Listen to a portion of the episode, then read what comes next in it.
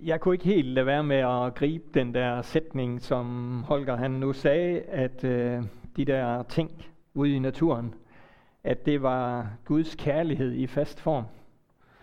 Holger havde introduceret mig til den sætning for nogle dage siden, og jeg lovede ham, det bliver en prædikentitel en eller anden dag. Øhm, så tog Holger den lige skridtet videre, da han stod heroppe, og ligesom sådan tog det over til os, at vi også var de der frø, og dermed også er Guds kærlighed. Og det, der så slog mig, det var i fast form.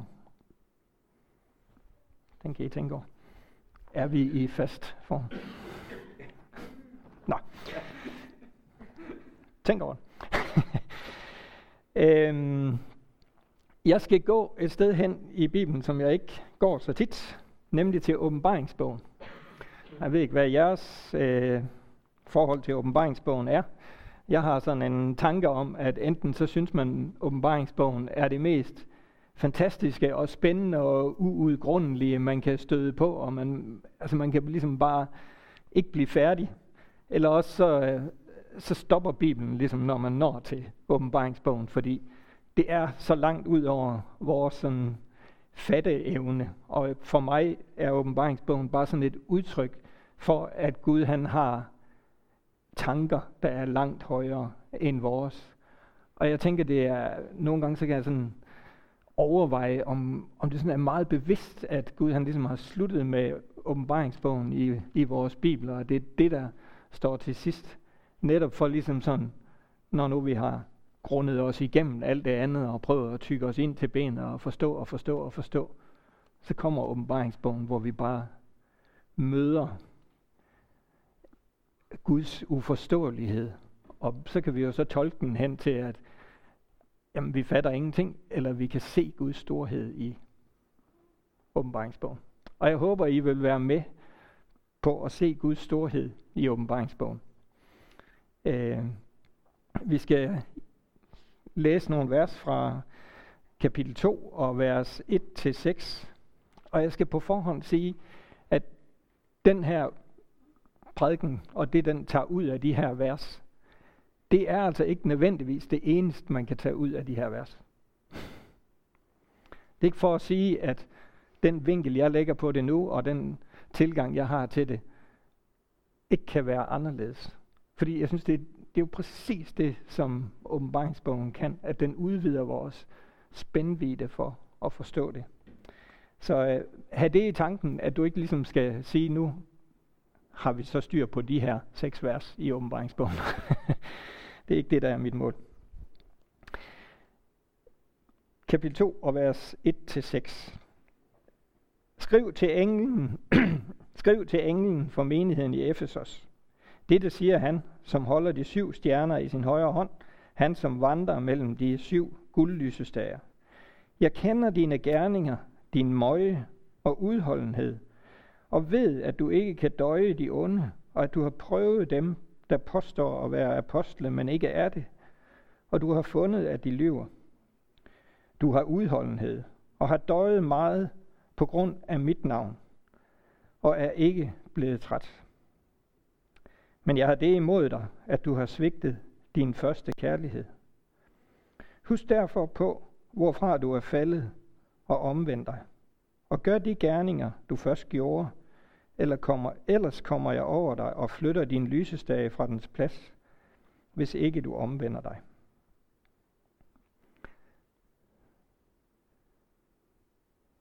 Hvad sidder du tilbage med, når du har hørt de her vers? Jeg skal ikke give dig svaret, du skal bare prøve at sådan, hvad, hvad var det, det, det rurte i dig, og hvad var det, det gjorde i dig, og hvad vil du tænke som menigheden i Efesos, der fik den her hilsen.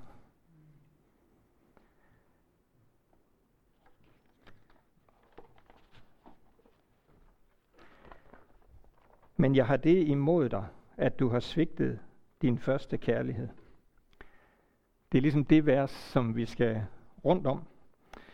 Det er det vers, vi skal prøve at, eller jeg skal prøve at sætte nogle ord på. Øhm. menigheden i Efesos, de får den her hilsen. Og det er jo faktisk den menighed, som Efeserbrevet også er skrevet til, der er tænkt på. Menigheden i Efesos får en hilsen, som i hvert fald, når jeg læser den, kan virke hård og straffende fra Guds side af. I og med, at han siger, jeg har det imod dig, at du har mistet din første kærlighed. Og han siger, at så vil han fjerne lysestagen, som ligesom er tanken om hans velsignelse. Der, hvor hans nærvær er. Øh. Det er jo som om, at de ikke gør nok for at vise deres kærlighed til Gud. Som om, at de ikke lever op til den kærlighedsmængde, Gud han kræver af dem. Den kærlighedsudtryk, som var deres første kærlighed, som der stod der. Og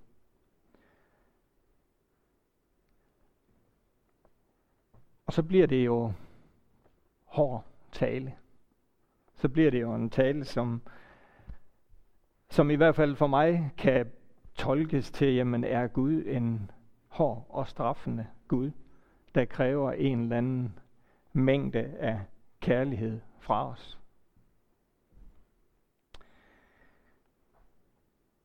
Så det er en læsning af de her vers, som handler om, at det er deres kærlighed til Gud, de har forladt. At de har forladt deres kærlighed til Gud. At den kærlighed, de havde til Gud i starten, den er forsvundet. Den er de gået væk fra. Den er blevet mindre. Og den læsning er nok den, jeg har læst de her vers med igen og igen og igen og igen. Og tænkt, jamen tag jer dog sammen i Efesos, find dog tilbage til den kærlighed, I havde til Gud, da I en gang mødte ham første gang i jeres frelses kærlighed. Og nu skal jeg så prøve at se, om jeg både kan give en anden vinkel på det for mig selv, men også præsentere jer for en anden vinkel. Den her, det handlede om, den første tanke her handlede om, at det var deres kærlighed til Gud. Men hvad hvis nu det egentlig handler om, at det er Guds kærlighed til dem, de har forladt? Hvad hvis nu det egentlig handler om, at de har forladt, kommet væk fra Guds kærlighed til dem? Der var en, jeg læste, der havde skrevet noget om det her, der sagde, det er nådeslæsningen. at hvis vi læser det med nådes briller, i stedet for med de øh, fordømmende briller, eller hvad nu vi kunne læse ud af den første måde at tænke på. Men lad os prøve at spore os ind på at høre de her vers, som om, at de har forladt Guds kærlighed til dem. Så er det lige pludselig noget helt andet, der står. Faktisk så ramser bliver der jo ramset en hel masse gode ting, de gør. De kæmper med møje og udholdenhed. Øh, så det er jo ikke fordi, de ikke, det er jo ikke fordi, de har sat sig ned og bare er øh, passive.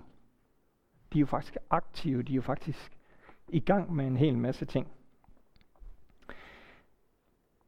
I 1. Johannes brev, kapitel 4 og vers 16-19, kunne jeg godt tænke mig at læse bare sådan for, at vi kommer ind i den her tanke om, hvad er, øh, hvad er den første kærlighed. Øh, hvad sagde jeg? 1. Johannes brev, kapitel 4, og vers 16 til, til 19.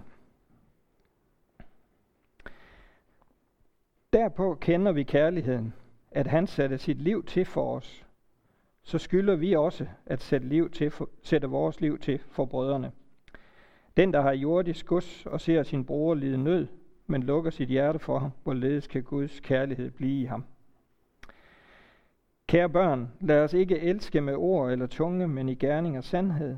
Deraf kan vi vide, at vi er sandheden, og over for ham kan vi bringe vores hjerte til ro. Fordi hvad end, hvad end vort hjerte fordømmer os for, er Guds hjerte, øh, er Gud større end vort hjerte.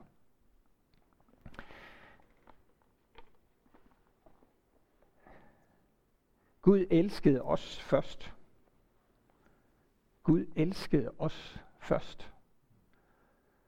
Og hvis vi sætter det sammen med den første kærlighed, at Guds kærlighed var der, før vi overhovedet begyndte at kunne tænke på og elske ham, det starter med Guds kærlighed til os. Og den kærlighed er afgørende for vores kærlighed til ham.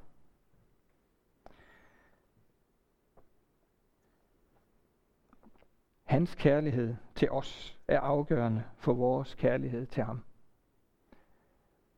Så bliver det også anderledes at forlade den kærlighed. Gå væk fra, falde fra den kærlighed, som han har til os. Og så begynde selv at kæmpe med og være i kærligheden til ham. Som sagt, så er stykket fra åbenbaringen jo skrevet til menigheden i Efesos.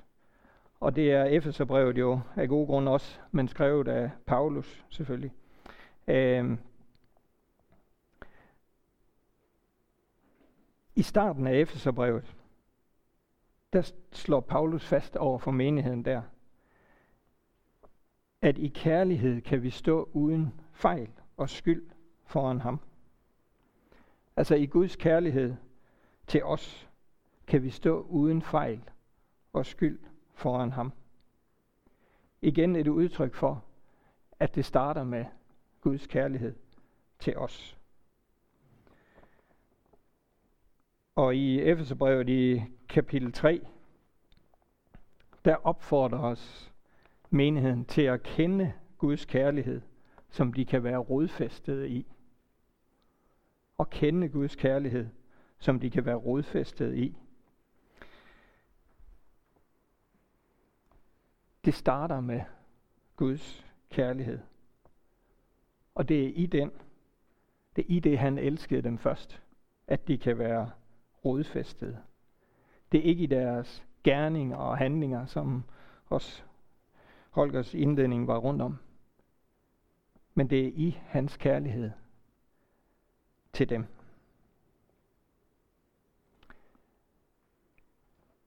Kan vi falde ud af Guds kærlighed til os?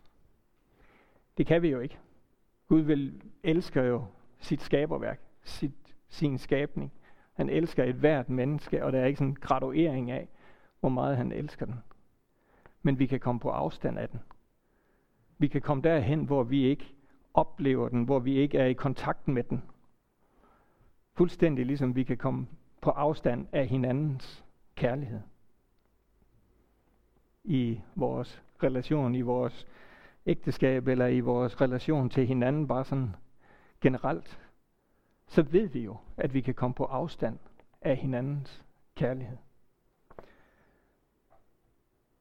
Og jeg tænker faktisk, at det var det, der var sket for menigheden her. De var blevet så optaget af alt det, de kunne gøre, alt det, de skulle gøre, alt det, de tænkte var nødvendigt, de skulle gøre for at være i Guds kærlighed, at de var kommet på afstand af hans kærlighed. De havde mistet den første kærlighed, Gud havde givet til dem. Og vi ved jo, for alle mennesker er det vigtigt at føle sig elsket. Ubetinget elsket, uanset hvem man er. Så har vi brug for en ubetinget kærlighed ind i vores liv.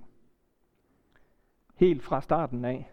Nu har vi en lille starter hernede, som vi nok kommer til at hilse på lige om lidt. Men helt fra starten af har vi bare brug for den der ubetingede kærlighed, der er uafhængig af, hvor udholdende vi er, hvor gode vi er til at bedømme de falske apostle, eller hvor gode vi er til alle de her åndelige discipliner, som vi kan remse op for hinanden, og som også er en del af det at være kirke. Men det er ikke der, det starter. Det er ikke det, der får Guds kærlighed til at flyde til os, eller at vi kan få lov til at tage den til os.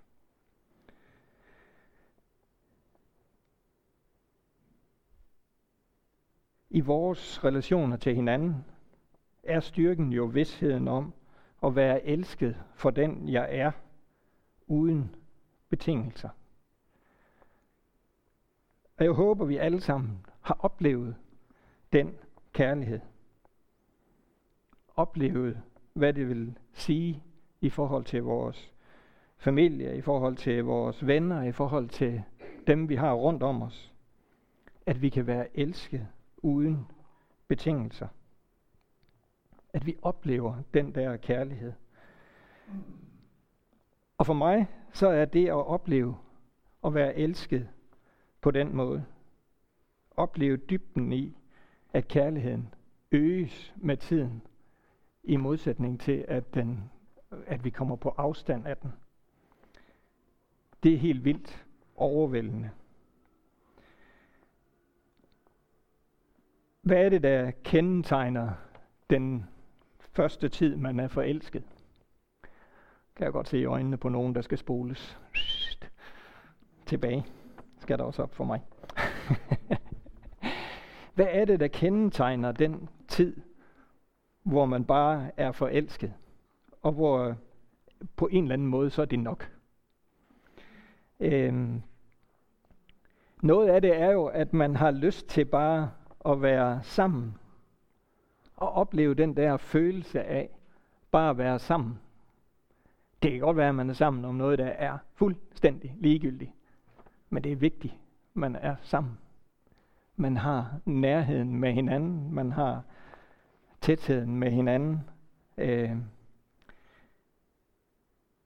For mig, nu skal jeg nok lade være med at udlevere det bliver ikke slemt. For mig så var det at opleve den her kærlighed faktisk ret overvældende. Jeg kommer fra et, som nogen vil vide, en enkelt eller to, et landmands hjem ude i Bøvl, hvor vi ikke havde de store armbevægelser og heller ikke sådan de store sådan udtryk for kærligheden, udover hvis det ændrede sig, så skulle vi nok sige til. så det at opleve at komme tæt på et menneske, hvor man blev elsket ubetinget, det var faktisk kæmpestort. Øh, bare det at vide, at hun faktisk sagde, at hun kunne godt lide mig. Det sagde hun. øh, selvom der måske lige var et par ting, vi skulle have kigget på. Nej, det tror jeg. Sådan oplever jeg det. De brune fløjelsbukser for eksempel. ja, den god genkendelse. Kan jeg vide, om der er eller der. Men det der at opleve det, den der ubetingede kærlighed, hvor jeg bare, jeg behøvede faktisk ikke at være smart længere. Jeg, behøvede, jeg kunne faktisk godt sælge min Ford Capri og købe en Opel Kadett. det gjorde jeg faktisk i den tid. Og alligevel var jeg jo elsket, ikke også? Og hvor er det vildt at blive klogere på, hvad den her kærlighed egentlig er. Og hvad det egentlig er, den kan flytte i os, røre i os, gøre for os, skabe i os. Og hvis vi så kan lave den her lille parallel over til Guds kærlighed til os. At det er den første kærlighed, der hvor vi bare søger efter at være sammen med ham. Og ved, at selvom vi ikke slår til, selvom vi ikke kan alle de åndelige discipliner og alt det der, så vi elsket. Så får vi lov til at være i hans kærlighed, som så skaber noget i os. Grundlæggende så tror jeg ikke, at der er skrevet noget som helst i Bibelen, som skal give os fordømmelse. Det tror jeg simpelthen ikke.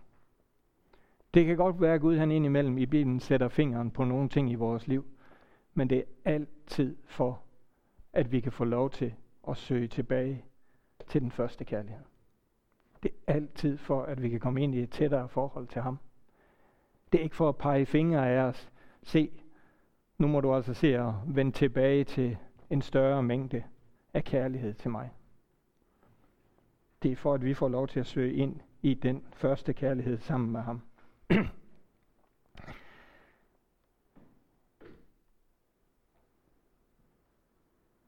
Så kan man jo sige, jamen er det ikke uretfærdig, at Gud siger så længere ned i de her vers, at han vil fjerne lysestagen, altså det, som er udtrykket for hans nærvær i menigheden, udtrykket for hans velsignelse i menigheden.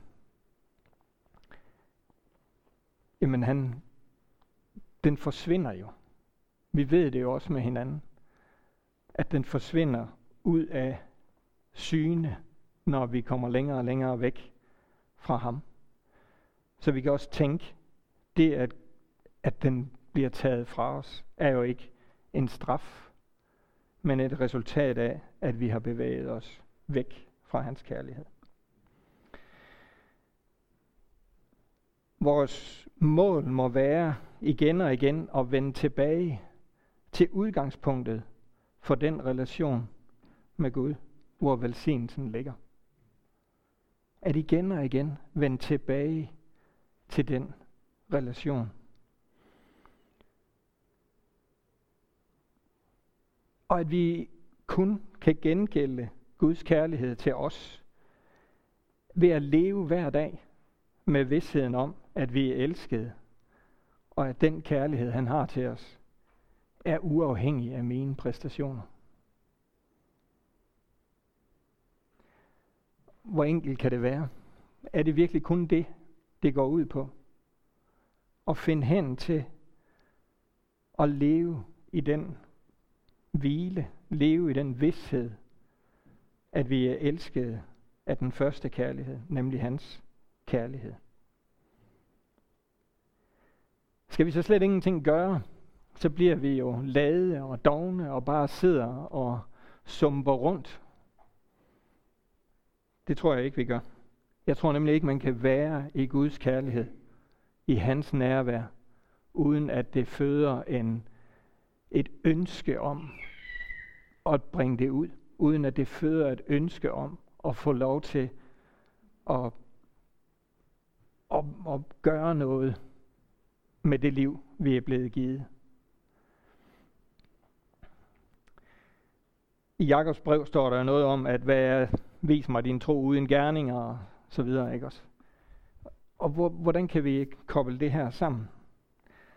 Og nu skal jeg gøre noget, som er, er lidt filosofisk, og kan godt være, at du skal have et par søndage eller fire, og jeg også skal have et par søndage eller fire, mm, for at tænke den helt til ende.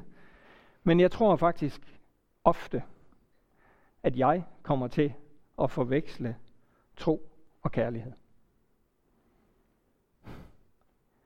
At jeg kommer til at forveksle tro og kærlighed. Eller i hvert fald knytte dem sammen omvendt. Så at jo mere tro jeg kan udleve, jo mere kærlighed er det et udtryk for. Så får vi stress så får vi virkelig stress. Men hvis vi kan hvile i, at det er kærligheden fra Gud, der skaber troen i mig, så jeg skal starte med at finde kærligheden hos Gud. Og så får jeg gaven, som vi så ofte siger, troen er en gave for Gud. Men jeg kan i hvert fald genkende tider og steder og dage i mit liv, hvor jeg har ligesom fået dannet den her sandhed, at åh, jo mere tro jeg har, jo mere kærlighed har Gud nok til mig.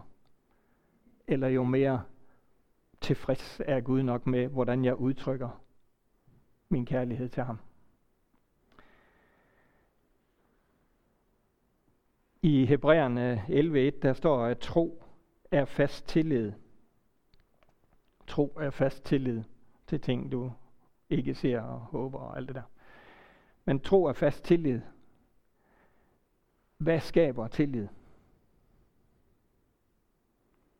Hvad skaber tillid hos os? Mellem os. Hvordan får vi tillid til hinanden?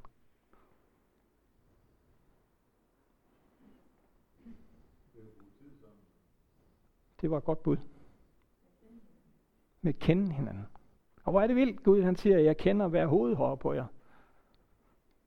Så kan, så, så kan der næsten ikke være mere kendskab.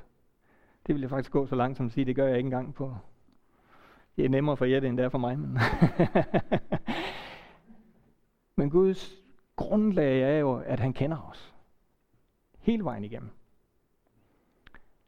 Og jeg tænker, det her med, at Gud kender os, det skaber enten frygt i mig. Wow, han ved det hele. Ah.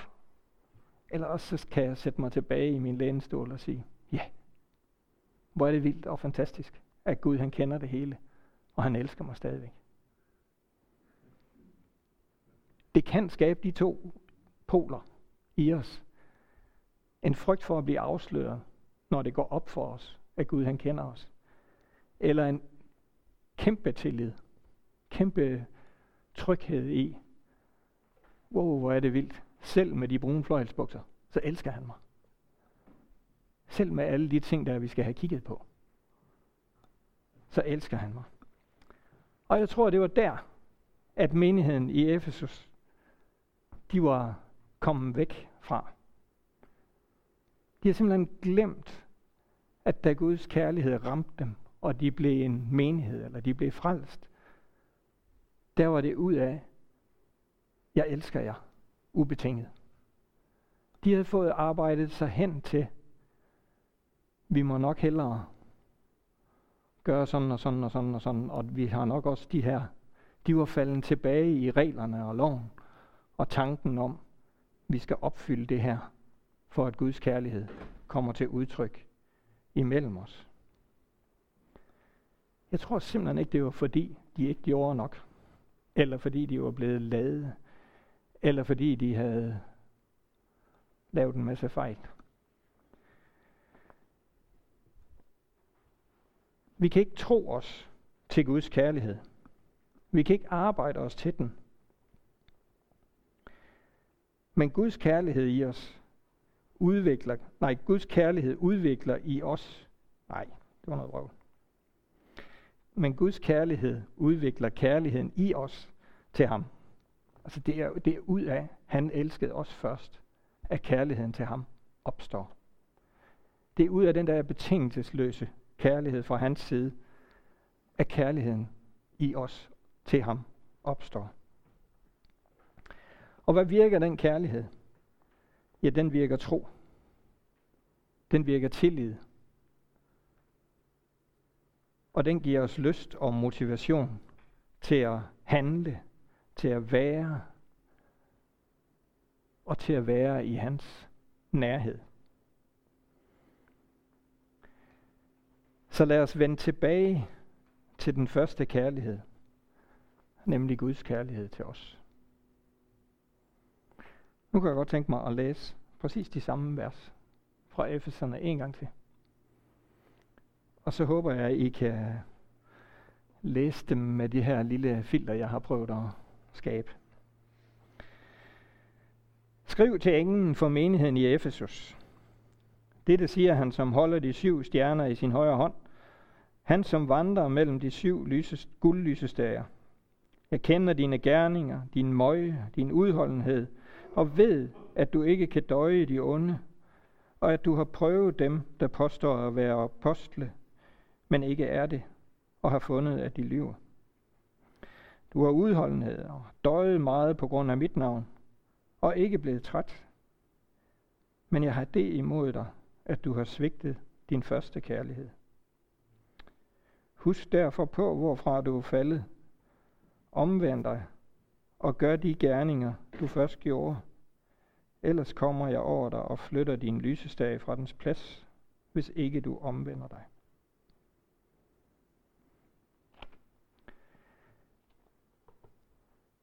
Vi har brug for at omvende os.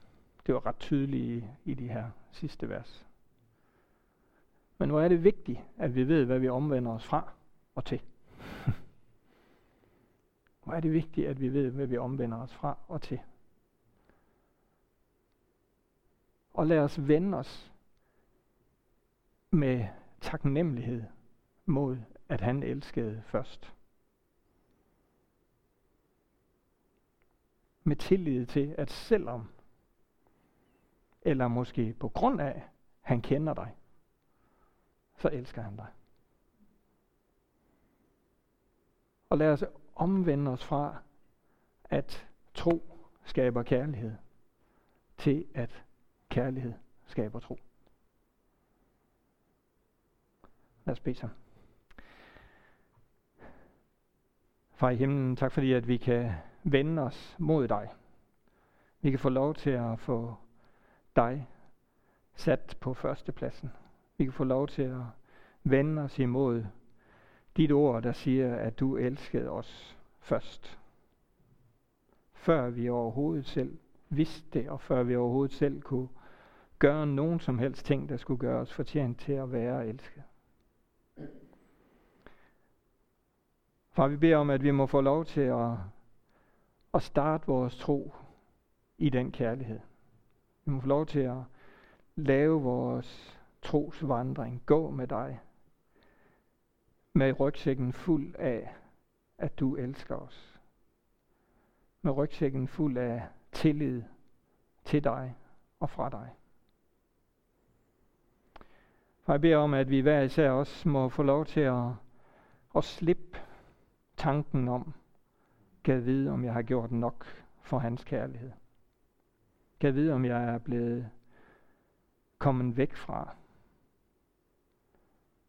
For at lade os vende os og finde tilbage til den første kærlighed her. Amen.